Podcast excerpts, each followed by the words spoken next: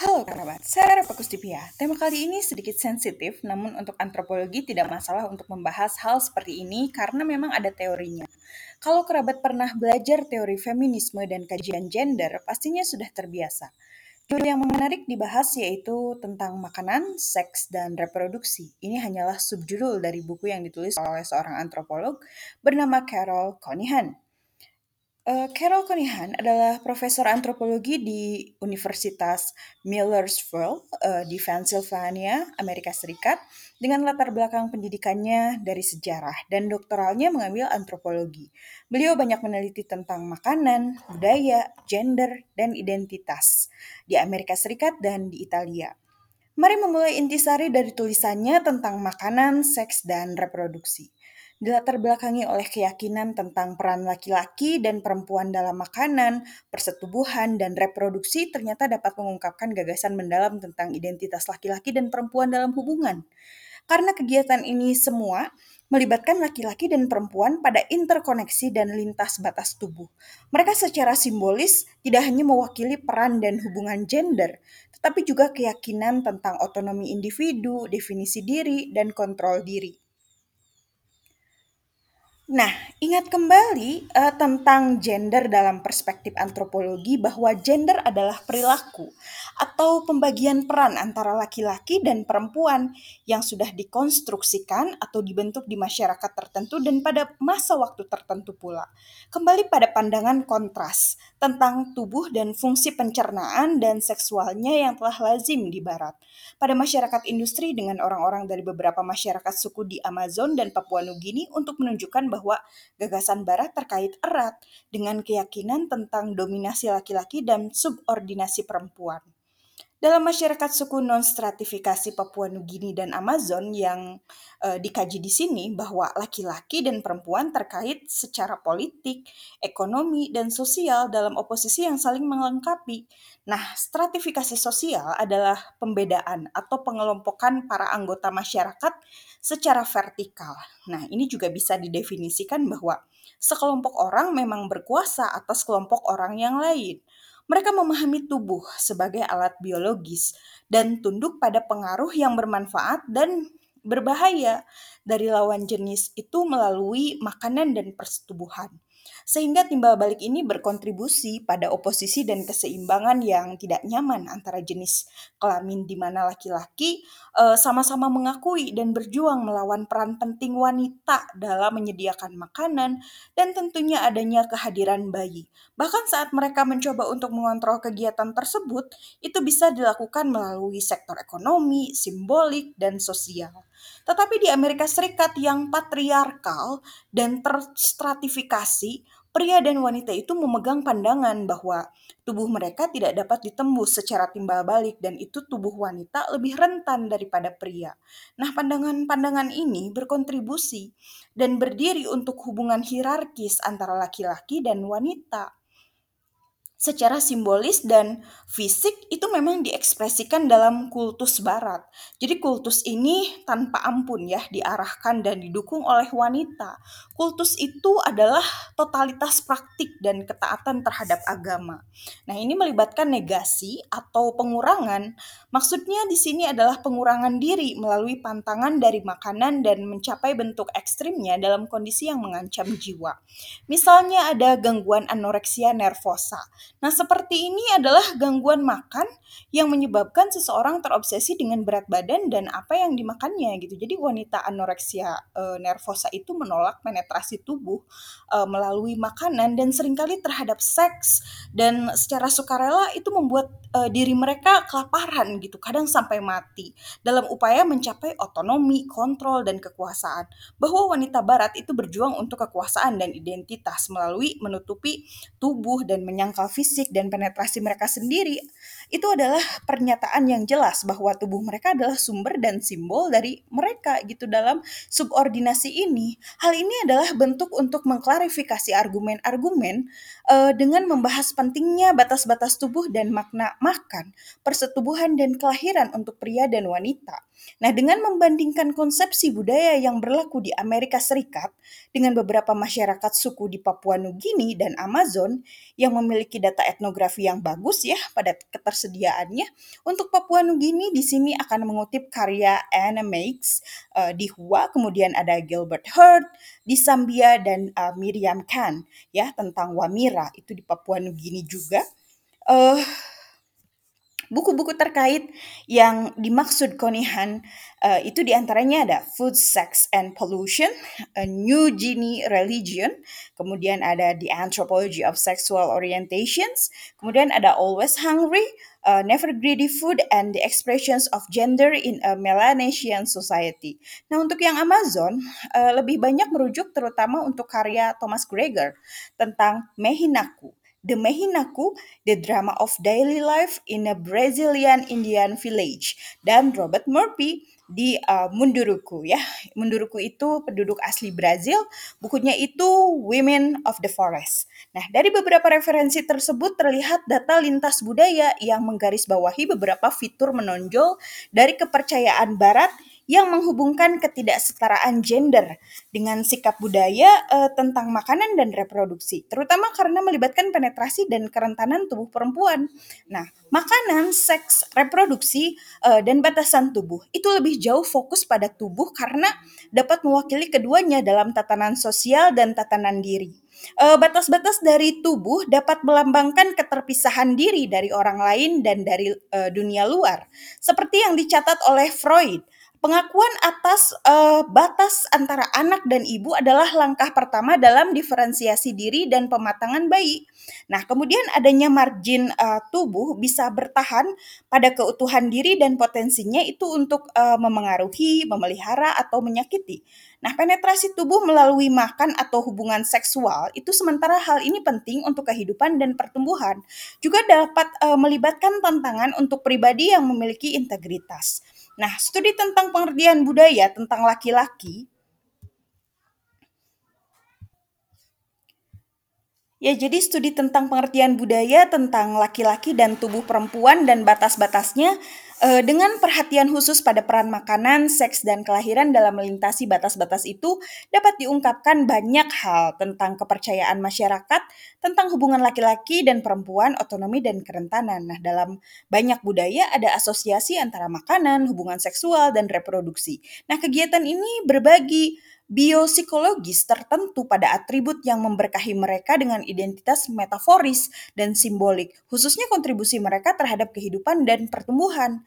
Kematian mereka juga ya seperti melalui batas-batas tubuh dan pencampuran individu-individu yang berlainan. Di dalam banyak budaya, kegiatan ini melibatkan dan menunjukkan gender yang jelas karena perbedaan. Selain itu, bagi perempuan, makanan dan reproduksi itu merupakan kegiatan simbolis yang secara universal diasosiasikan dengan keperempuanan. Freud menjelaskan bahwa makanan dan seks adalah kebutuhan naluriah yang serupa. Nah, dan adanya hubungan seumur hidup antara kenikmatan oral dan kenikmatan seksual menurut Freud, makanan dan seks secara metaforis sangat tumpang tindih. Hadiah makanan dapat mewakili tawaran seks dan seks dapat de, uh, dijelaskan melalui gambar makanan.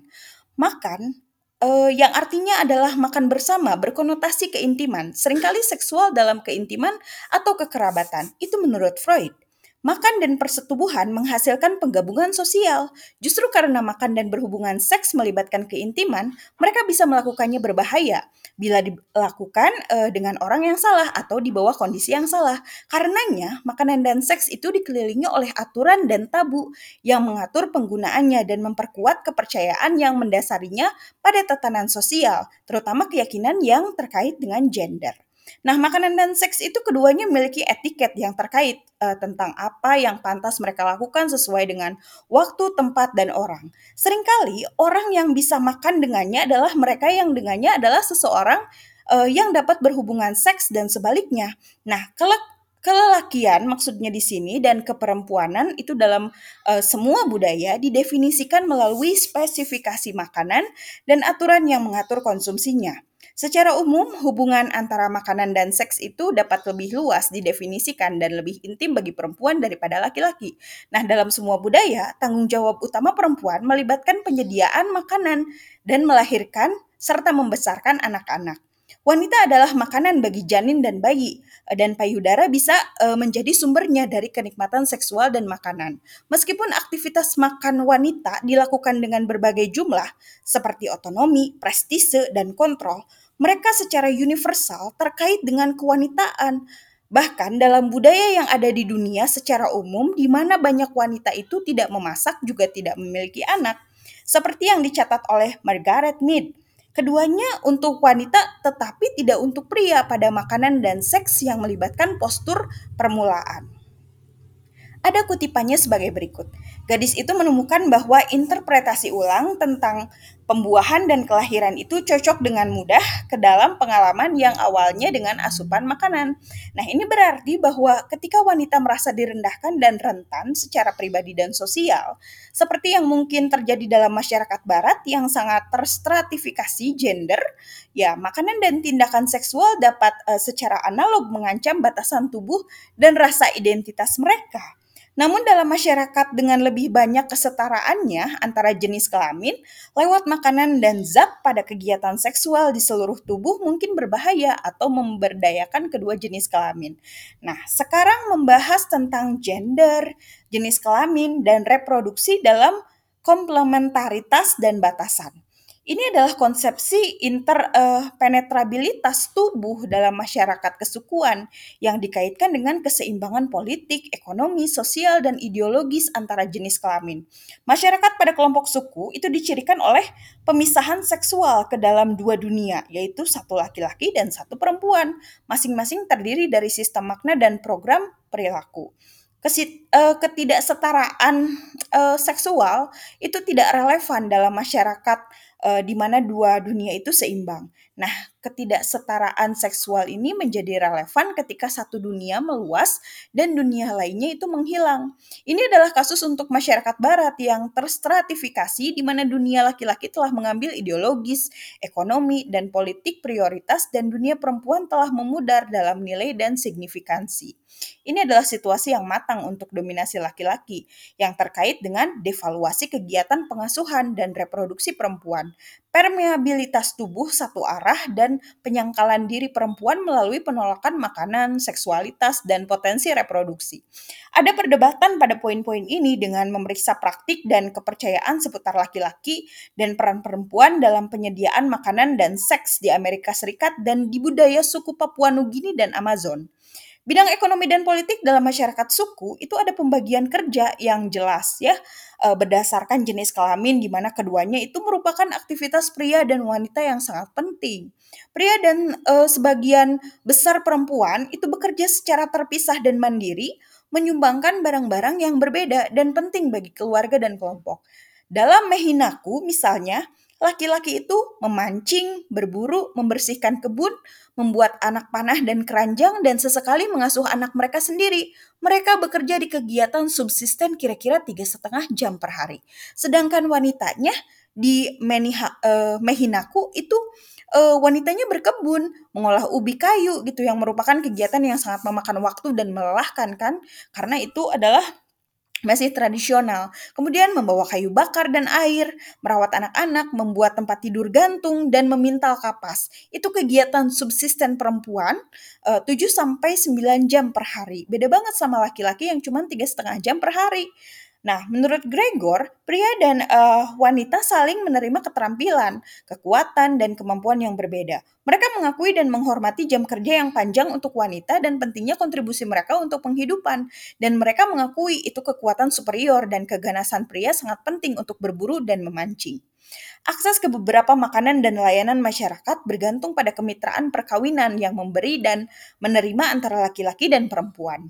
Nah, di antara masyarakat suku, Dominasi politik laki-laki dibuktikan dalam kontrol mereka atas ritual publik, mitos, peperangan, dan keputusan yang mempengaruhi grup.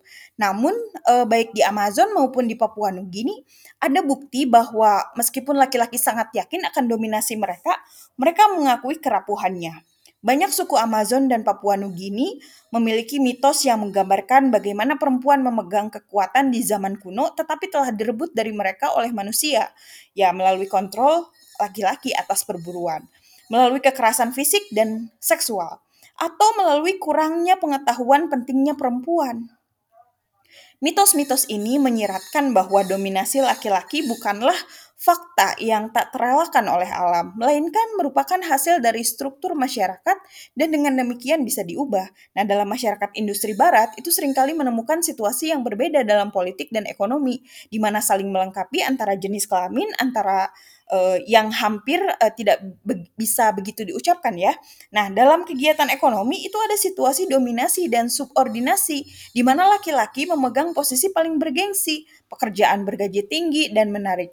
Nah, sedangkan pekerjaan wanita itu meskipun penting untuk kebaikan keluarga maupun ekonomi itu sering disepelekan melalui upah yang rendah, bahkan tanpa upah, penyediaan makanan, dan pada prinsipnya masih menjadi uh, domain perempuan. Tidaklah tinggi dihargai dan di banyak keluarga itu selalu tunduk pada kontrol moneter dan pengambilan keputusan kekuatan laki-laki sehingga mereproduksi subservis perempuan.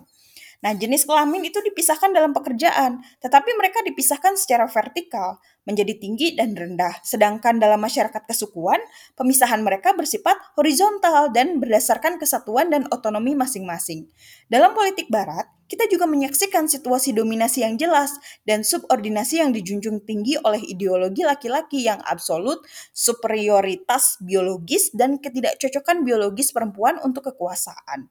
Nah, meskipun uh, mitos Amazon adalah bagian dari tradisi Yunani Romawi, ideologi kontemporer tidak memiliki keyakinan yang mungkin pernah dimiliki wanita yang telah memegang kekuasaan, dan dengan demikian uh, mungkin memegangnya sekali lagi. Nah, situasi politik dan ekonomi yang saling melengkapi secara seksual dari masyarakat kesukuan itu dikaitkan dengan pengaruh timbal balik yang ditandai oleh keyakinan tentang batas-batas tubuh yang dapat ditembus dan uh, bahwa hubungan dominasi dan subordinasi pria dan wanita dalam politik Amerika Serikat dan ekonomi itu dapat menyertai kepercayaan pada pengaruh tubuh satu arah. Ketika mengilustrasikan klaim ini dengan mempertimbangkan keyakinan dan praktik yang terkait dengan seks, eh, kemudian kelahiran atau reproduksi, dan pengasuhan dan hubungannya dengan konsepsi laki-laki dan perempuan dan hubungan mereka. Bahwa seks dan reproduksi itu menurut Gregor itu membuat klaim yang dapat diperdebatkan bahwa budaya universal uh, praktek seksual adalah keinginan yang lebih besar dan minat dalam persetubuhan bagian laki-laki pada umumnya dan pada perempuan juga. Nah, praktik budaya luar yang mendefinisikan laki-laki sebagai inisiator dalam seks ini umumnya terjadi di Amerika Serikat, Papua Nugini, dan budaya Amazon di bawah pengawasan.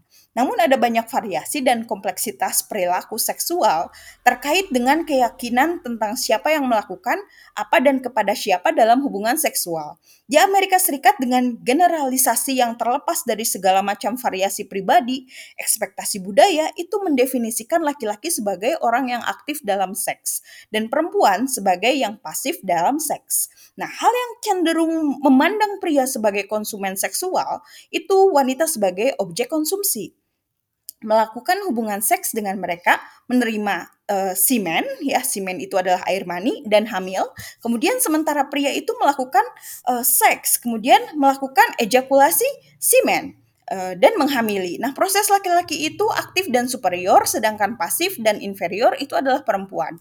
Akan tetapi di banyak masyarakat suku, khususnya di Papua Nugini, itu ada pengertian yang jelas bahwa perempuan tidak hanya menerima uh, simen, ya e, melalui penetrasi laki-laki dalam seks. Tetapi perempuan menembus laki-laki dengan dosis yang kuat karena esensi perempuan yang mengancam maskulinitas. Oleh karena itu di Papua Nugini dapat mengamati berbagai strategi untuk mengurangi kontaminasi laki-laki dalam seks, termasuk seks heteroseksual yang jarang. Preferensi untuk homoseksual hubungan intim itu dipraktikkan oleh setidaknya 30 masyarakat di Asia Pasifik dan Amazon dan konsumsi makanan untuk mengisi kembali esensi laki-laki yang hilang dalam ejakulasi tersebut itu untuk menangkal polusi dari betina. Nah, suku Hua Misalnya, memakan tebu untuk mengisi simen atau air mani. Itu sedangkan suku Sambia, salah satu suku di Papua Nugini, itu memakan getah putih dari pohon tertentu. Ketakutan akan kontaminasi oleh zat wanita tampaknya terkait dengan identitas gender laki-laki yang rapuh dan ketakutan mereka terhadap uh, wanita gitu dalam hubungan seksual. Nah, kembali ke dalam rahim dari mana mereka keluar dan kembali ke keadaan ketergantungan dan uh, simbiosis yang merupakan negasi maskulinitas dewasa.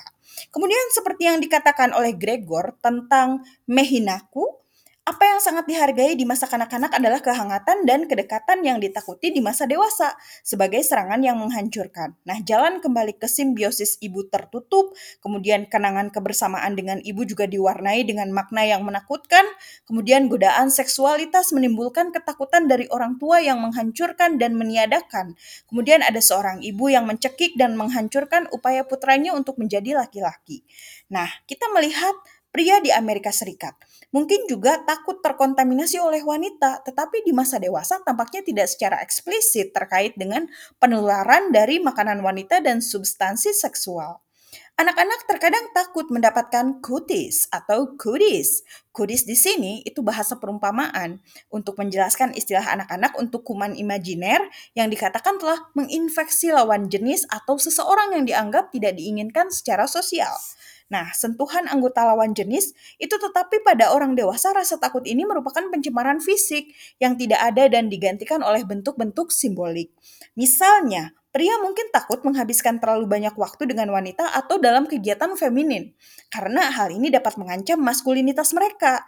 Takut jadi banci yang mendalam dan mungkin mencerminkan keprihatinan serupa dengan yang dari Mehinakut tadi gitu tentang rapuhnya identitas gender laki-laki. Namun Uh, meskipun ketidaksukaan terhadap darah menstruasi itu tersebar luas ya, pria di Amerika Serikat itu tampaknya tidak takut bahwa penggabungan makanan wanita atau ekskresi seksual akan mencair dalam maskulinitas mereka. Nah, dalam budaya barat, tubuh laki-laki itu relatif tidak dapat ditembus, tubuh perempuan rentan, terutama terhadap perkosaan. Nah, gagasan tentang peran laki-laki dan perempuan itu dalam reproduksi dalam masyarakat kesukuan itu seperti tentang senggama, eh, kemudian mengungkapkan lebih banyak saling melengkapi daripada di Amerika Serikat. Nah, ini mungkin terkait dengan fakta bahwa reproduksi itu sangat penting dan sangat jelas dalam masyarakat suku, sedangkan di Amerika Serikat meskipun dihargai dalam retorika, relatif terdevaluasi, tidak terlihat dan disepelekan oleh praktik budaya. Nah, rendahnya nilai reproduksi dalam masyarakat barat adalah terkait dengan fakta bahwa dalam masyarakat industri maju, tenaga kerja merupakan komoditas yang relatif tidak diinginkan. Kematian bayi itu relatif rendah dan anak-anak itu sangat mahal. Nah, hal ini juga disebut hortikultura suku pada padat karya ekonomi dan sebaliknya anak-anak dan reproduksi itu dihargai karena kontribusi tenaga kerja anak-anak dan kematian bayi yang tinggi. Tingkat kelahiran di Amerika Serikat itu relatif rendah.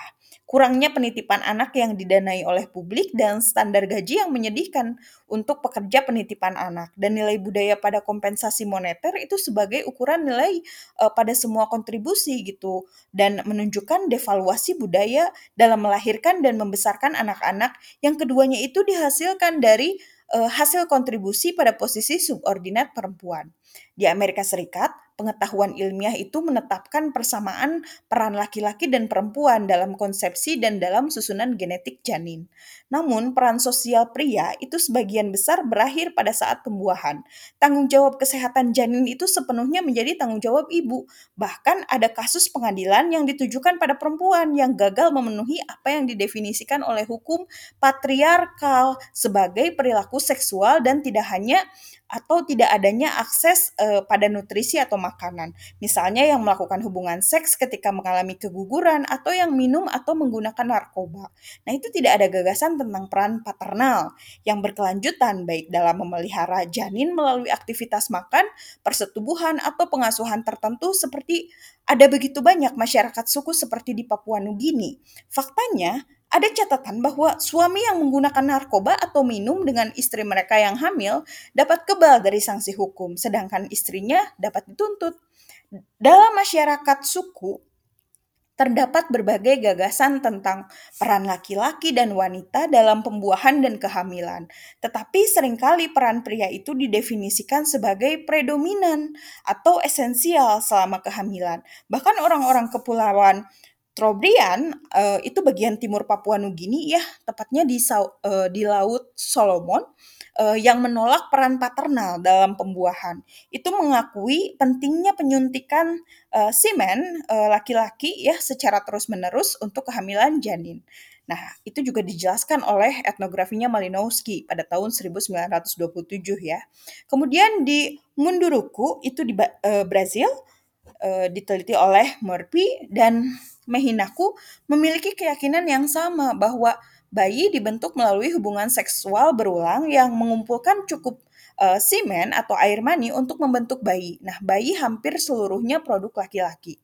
Sebagai salah satu informan laki-laki, Gregor juga berkata, "Kami adalah makanan kami yang dulu atau uh, air semen tadi ya." Kemudian menariknya, Meinaku mengakui peran khusus perempuan dalam reproduksi melalui keyakinan mereka bahwa laki-laki hanya mampu membuat e, air mani, kemudian melalui konsumsi makanan yang diproduksi oleh perempuan, terutama maniok. Maniok itu adalah ubi kayu atau disebut juga singkong ya, kaspe, ketela pohon, ubi gitu ya, ubi sampah atau ubi Prancis lah ya, sebutannya seperti itu. Nah, di mereka itu maniok sebutannya. Yang kemudian dikembalikan ke tubuh wanita melalui persetubuhan.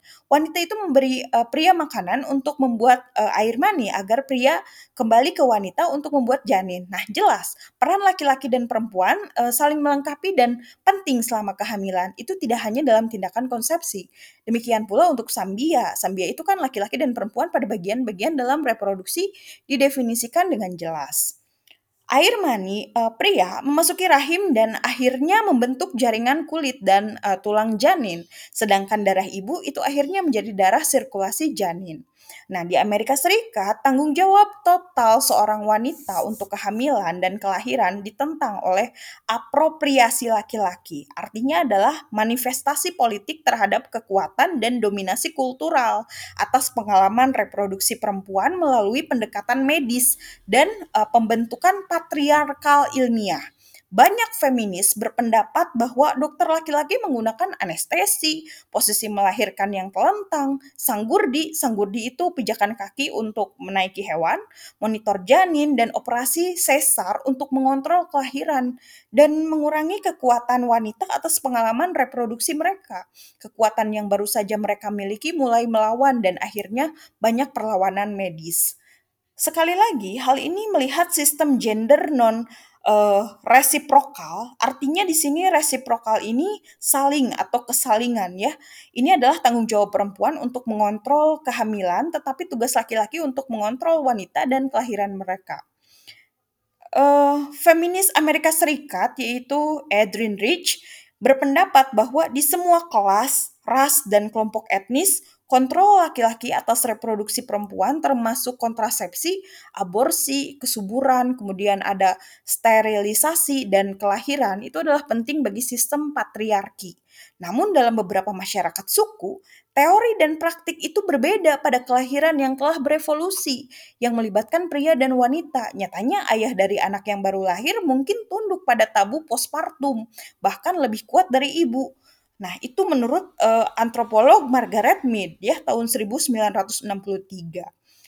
Nah, postpartum itu adalah masa nifas ya maksudnya. Jadi masa nifas atau postpartum adalah masa dimulai setelah kelahiran plasenta dan uh, berakhir ketika alat kandungan kembali semula seperti sebelum hamil yang berlangsung selama hampir mungkin 6 minggu atau 42 hari.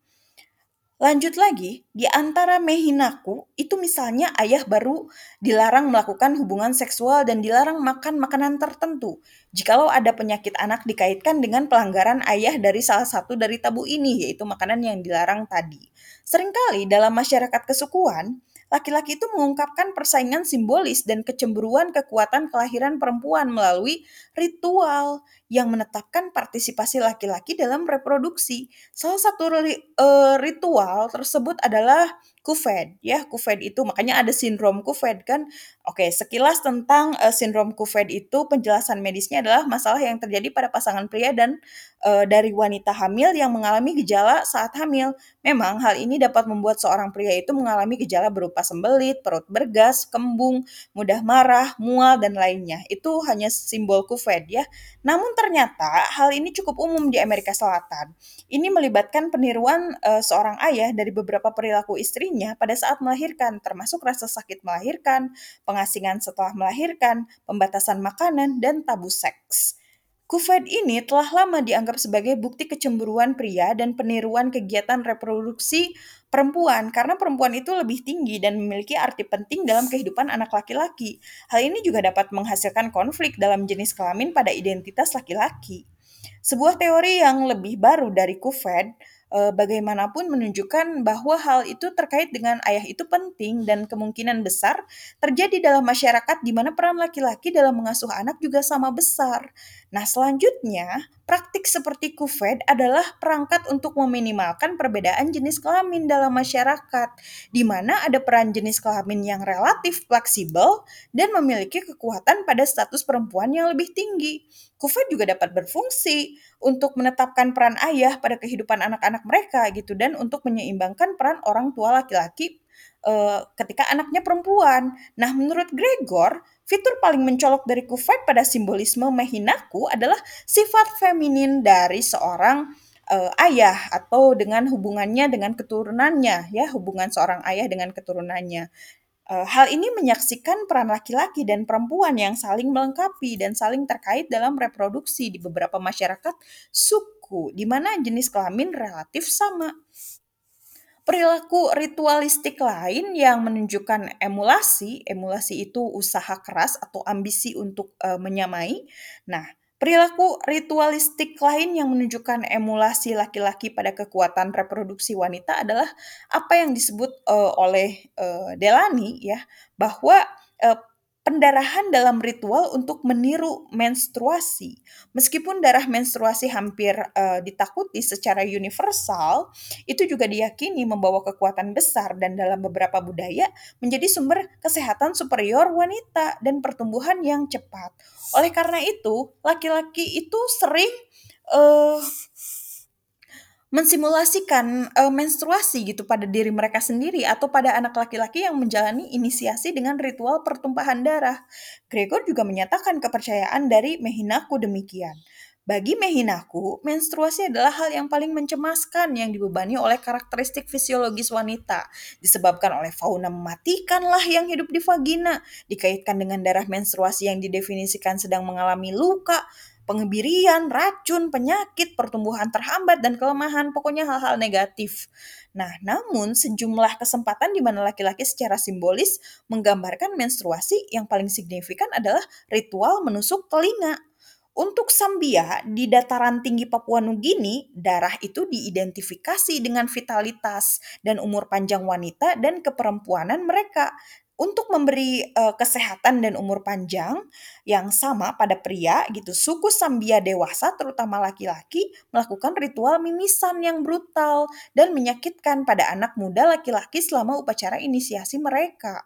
Ritual pendarahan itu seperti penetrasi paksa dari batas tubuh anak laki-laki dengan cara yang sangat simbolis karena hidung adalah komponen yang kuat dari citra diri Sambia, termasuk definisi kecantikan dan maskulinitas. Tidak hanya mimisan dalam peniruan haid atau menstruasi, tetapi juga berfungsi untuk membebaskan laki-laki dari pencemaran darah haid istri mereka dan dilakukan pada bulanan uh, setelah menikah. Mimisan juga berfungsi sebagai uh, hal-hal simbolis untuk menghilangkan feminitas yang direpresentasikan sebagai darah dari anak laki-laki. Jadi mimisan itu melanggar batas tubuh seseorang untuk seluruh diri karena diklaim kembali sebagai laki-laki eksklusif oleh kultus ritual. Dalam ritual ini, kemudian melihat beberapa komponen yang relevan pada beberapa hal gitu ya tentang permeabilitas batas tubuh laki-laki dengan perempuan itu memiliki pengaruh ternyata. Karena ketakutan pria terhadap pengaruh tersebut dan persaingan pria terhadap proses perempuan untuk melepaskan diri dari kontaminasi perempuan. Suku Sambia secara simbolis membuat pertumpahan darah pria dan wanita yang serupa karena e, menunjukkan interpenetrabilitas tadi e, untuk pria ataupun untuk wanita. Karena ya mereka juga ingin saling melengkapi dan menjadi sebuah simetri pada akhirnya. Contoh yang lebih eksplisit di sini uh, tentang persaingan laki-laki terhadap uh, kekuatan reproduksi perempuan itu ditunjukkan dalam budaya di mana laki-laki percaya bahwa mereka bisa menjadi seperti itu, hamil, melahirkan dan mengasuh anak-anak seperti budaya yang gamblang.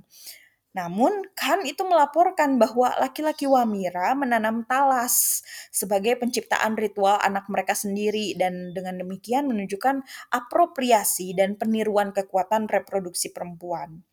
Namun Max mengklaim bahwa laki-laki Hua juga percaya bahwa mereka bisa hamil tetapi sebenarnya tidak dapat melahirkan dan akan mati karena perut pecah kecuali mereka dalam kondisi netral. Suku Hua percaya bahwa kehamilan laki-laki memiliki tiga penyebab. Semuanya terkait dengan kontaminasi oleh zat wanita, pria hamil juga karena konsumsi makanan yang telah disentuh atau diinjak-injak oleh menstruasi perempuan atau perempuan yang baru dinikahkan ke dalam masyarakat.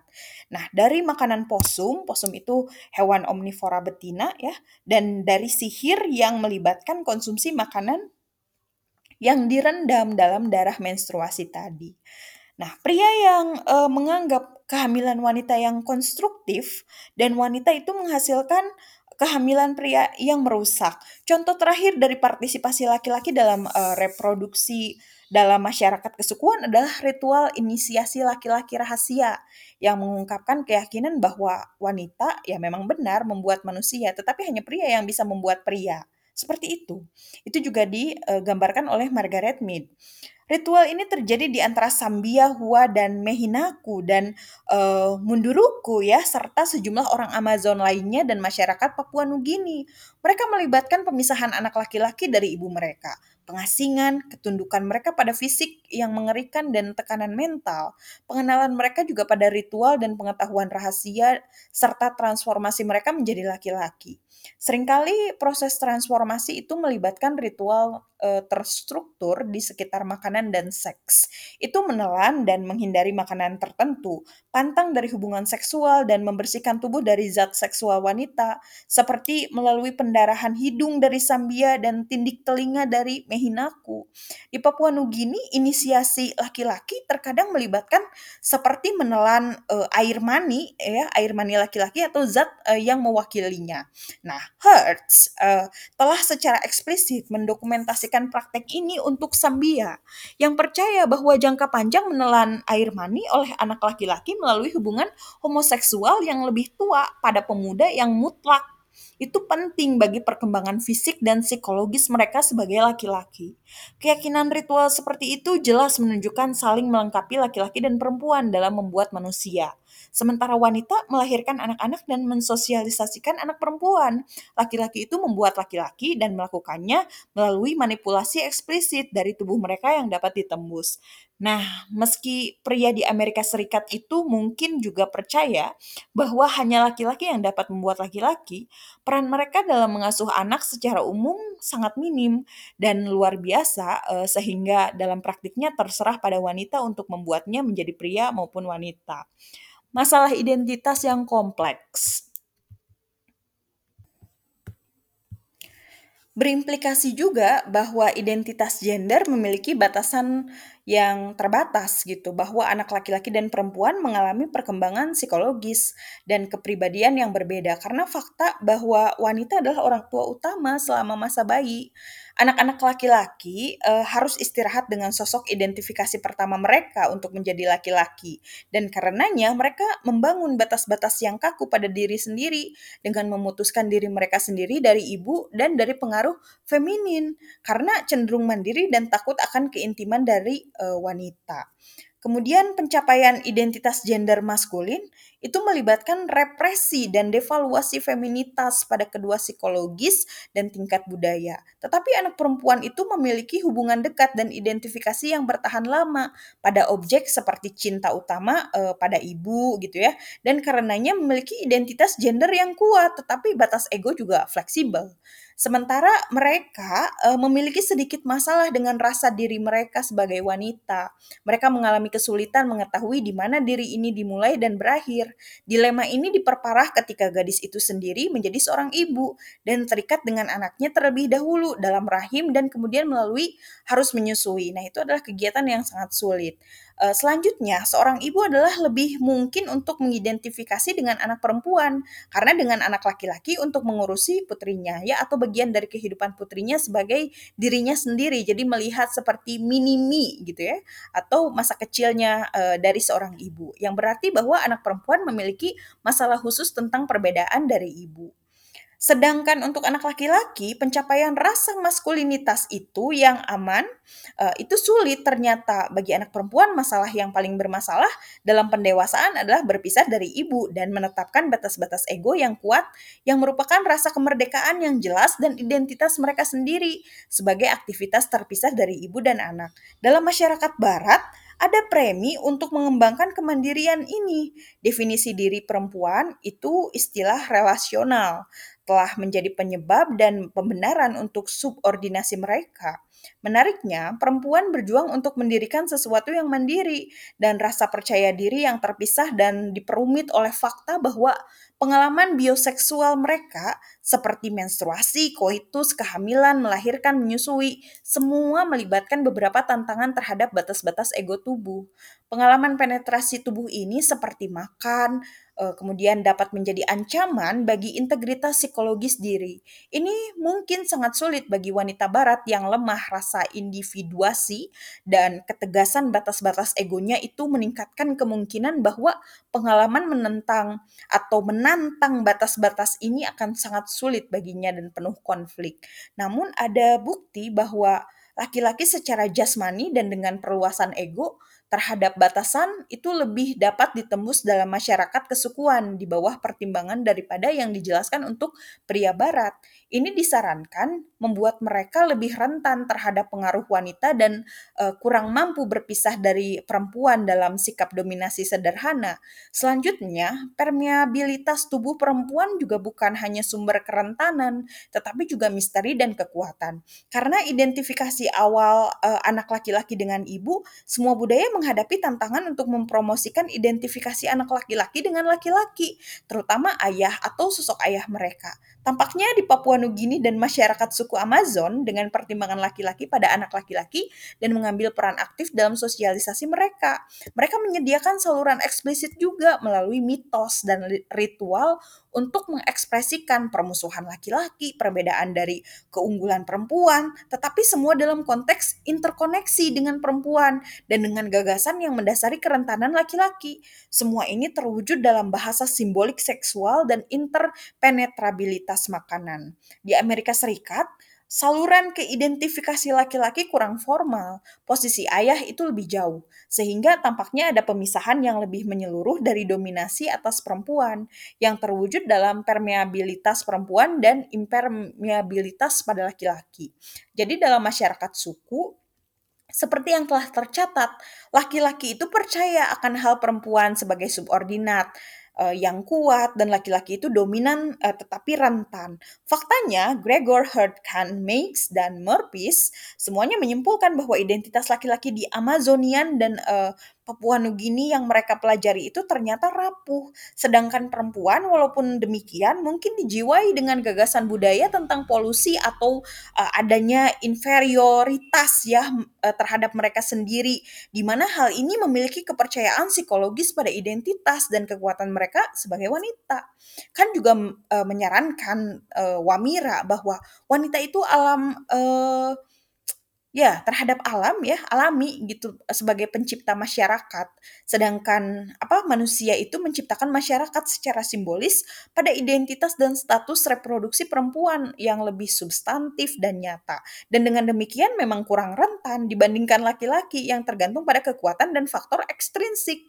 Nah, hal ini juga ya cukup aman ya dalam pengetahuan kekuatan reproduksi alami mereka atau perempuan lah ya, gitu tidak seperti laki-laki, tetapi kan tidak perlu meneriakan kemampuan kemampuan mereka secara simbolis. Nah, apa yang muncul sebagai kepasifan dapat diartikan sebagai keyakinan. Beda lagi sama Hart, itu menyimpulkan uh, tentang Sambia di Papua Nugini yang uh, di titik terendah itu, laki-laki yang menganggap keperempuanan lebih kuat daripada kelaki-lakian pria itu iri pada kekuatan wanita dan menirunya melalui ritual rahasia mereka dan menjadi identitas yang harus dirahasiakan untuk menjaga perempuan secara politik ya itu bisa lebih rendah dan harus dikontrol dengan hati-hati dalam diri untuk tetap uh, menjadi sengit. Jadi laki-laki itu meniru kreativitas alami perempuan melalui mereka dengan kreasi budayanya. Mitologi laki-laki dengan demikian juga dapat mengisyaratkan bahwa perempuan itu memiliki lebih banyak kekuatan nyata dalam kehidupan sehari-hari daripada yang dikatakan pria. Beda lagi sama Max, itu Max itu percaya bahwa laki-laki Hua memiliki sikap impotensi reproduktif dan inferioritas seksual dan bahwa sebagian besar ritual mereka dalam kehidupan melibatkan pencarian oleh laki-laki yang dominan secara politik gitu untuk akses dan sebagai kontrol atas kekuatan fisiologis karena e, bawahan politik mereka yaitu perempuan. Beda lagi dengan Murphy. Oh jelas, Murphy itu e, menceritakan tentang Munduruku ya, penduduk asli Brazil. Jadi status dari wanita Munduruku itu cukup tinggi jika dibandingkan dengan wanita di tempat lain pada kehidupan masyarakat. Apa yang kurang darinya dalam prestise dan rasa hormat publik uh, lebih dari diimbangi oleh otonomi dan kekuatan kolektif. Jadi laki-laki munduruku di satu sisi adalah penguasa perempuan, tetapi itu adalah kekuatan dan kekuasaan lahir dari kompensasi berlebihan untuk kelemahan dan ketakutan. Gregor juga menemukan kelemahan dan ketidakamanan pria Mehinaku tentang identitas mereka yang menurutnya tidak terbatas pada mereka saja gitu antara kita dan Mehinaku tetap menjadi ikatan umur gender maskulin dengan uh, segala ketidakpastian dan Ngomong-ngomong tentang ambivalensi, itu adalah keadaan perasaan yang terjadi secara bersamaan ya, seperti perasaan yang bertentangan terhadap seseorang.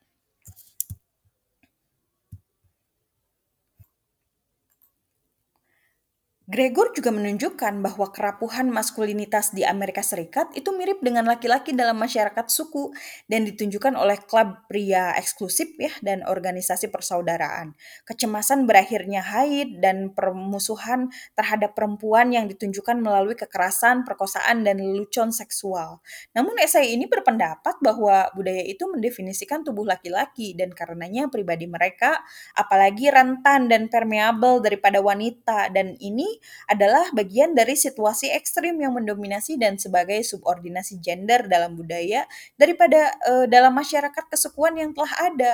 Jadi bagi wanita Amerika Serikat, permeabilitas tubuh mereka itu mewakili rasa otonomi mereka yang lemah dan kekuasaan dan sebagai akibatnya tindakan makan, persetubuhan atau kelahiran yang melintasi penghalang fisik tubuh itu bisa menakutkan pada sebuah ancaman terhadap integritas psikologis diri pengejaran wanita barat akan uh, kekurusan yang ekstrim gitu ya dan penolakan mereka untuk makan dapat dilihat sebagai reaksi terhadap kerentanan tubuh yang mereka rasakan dan batas permeabelnya gitu. Untuk tindakan ini melibatkan penutupan diri yang tidak hanya untuk makanan tetapi biasanya juga untuk seks dan kelahiran. Jadi obsesi wanita dengan pembatasan makanan yang parah dan dengan uh, apa postur tubuh yang kurus gitu adalah fenomena yang terkait dengan masyarakat kapitalis borjuis gaya barat Sedangkan kurus dan jarang makan itu dihargai di beberapa masyarakat kesukuan. Masyarakat suku secara sukarela itu membuat diri mereka kelaparan hanya untuk mencapai tubuh kurus. Nah, wanita Amerika Serikat itu didefinisikan memiliki tubuh langsing yang ingin mereka capai dengan cepat melambangkan tidak hanya kualitas, tetapi ada keterpisahan, pengendalian diri, penguasaan diri, di mana itu adalah kendali yang sangat dihargai dalam budaya, tetapi juga kebebasan dari reproduksi yang merupakan sebuah takdir dan konstruksi feminitas yang dipandang sebagai alat untuk membatasi. Banyak wanita Amerika Serikat memilih makanan sebagai saluran ekspresi diri uh, yang kedua ya karena pembatasannya merupakan obsesi budaya sentral dan karena itu mungkin satu-satunya hal yang menurut wanita dapat mereka kendalikan dan kelola sepenuhnya tanpa mengancam struktur kekuasaan. Pantang dari makanan juga telah dihargai dalam ideologi budaya barat selama setidaknya 8 abad. Ya cukup lama sekali.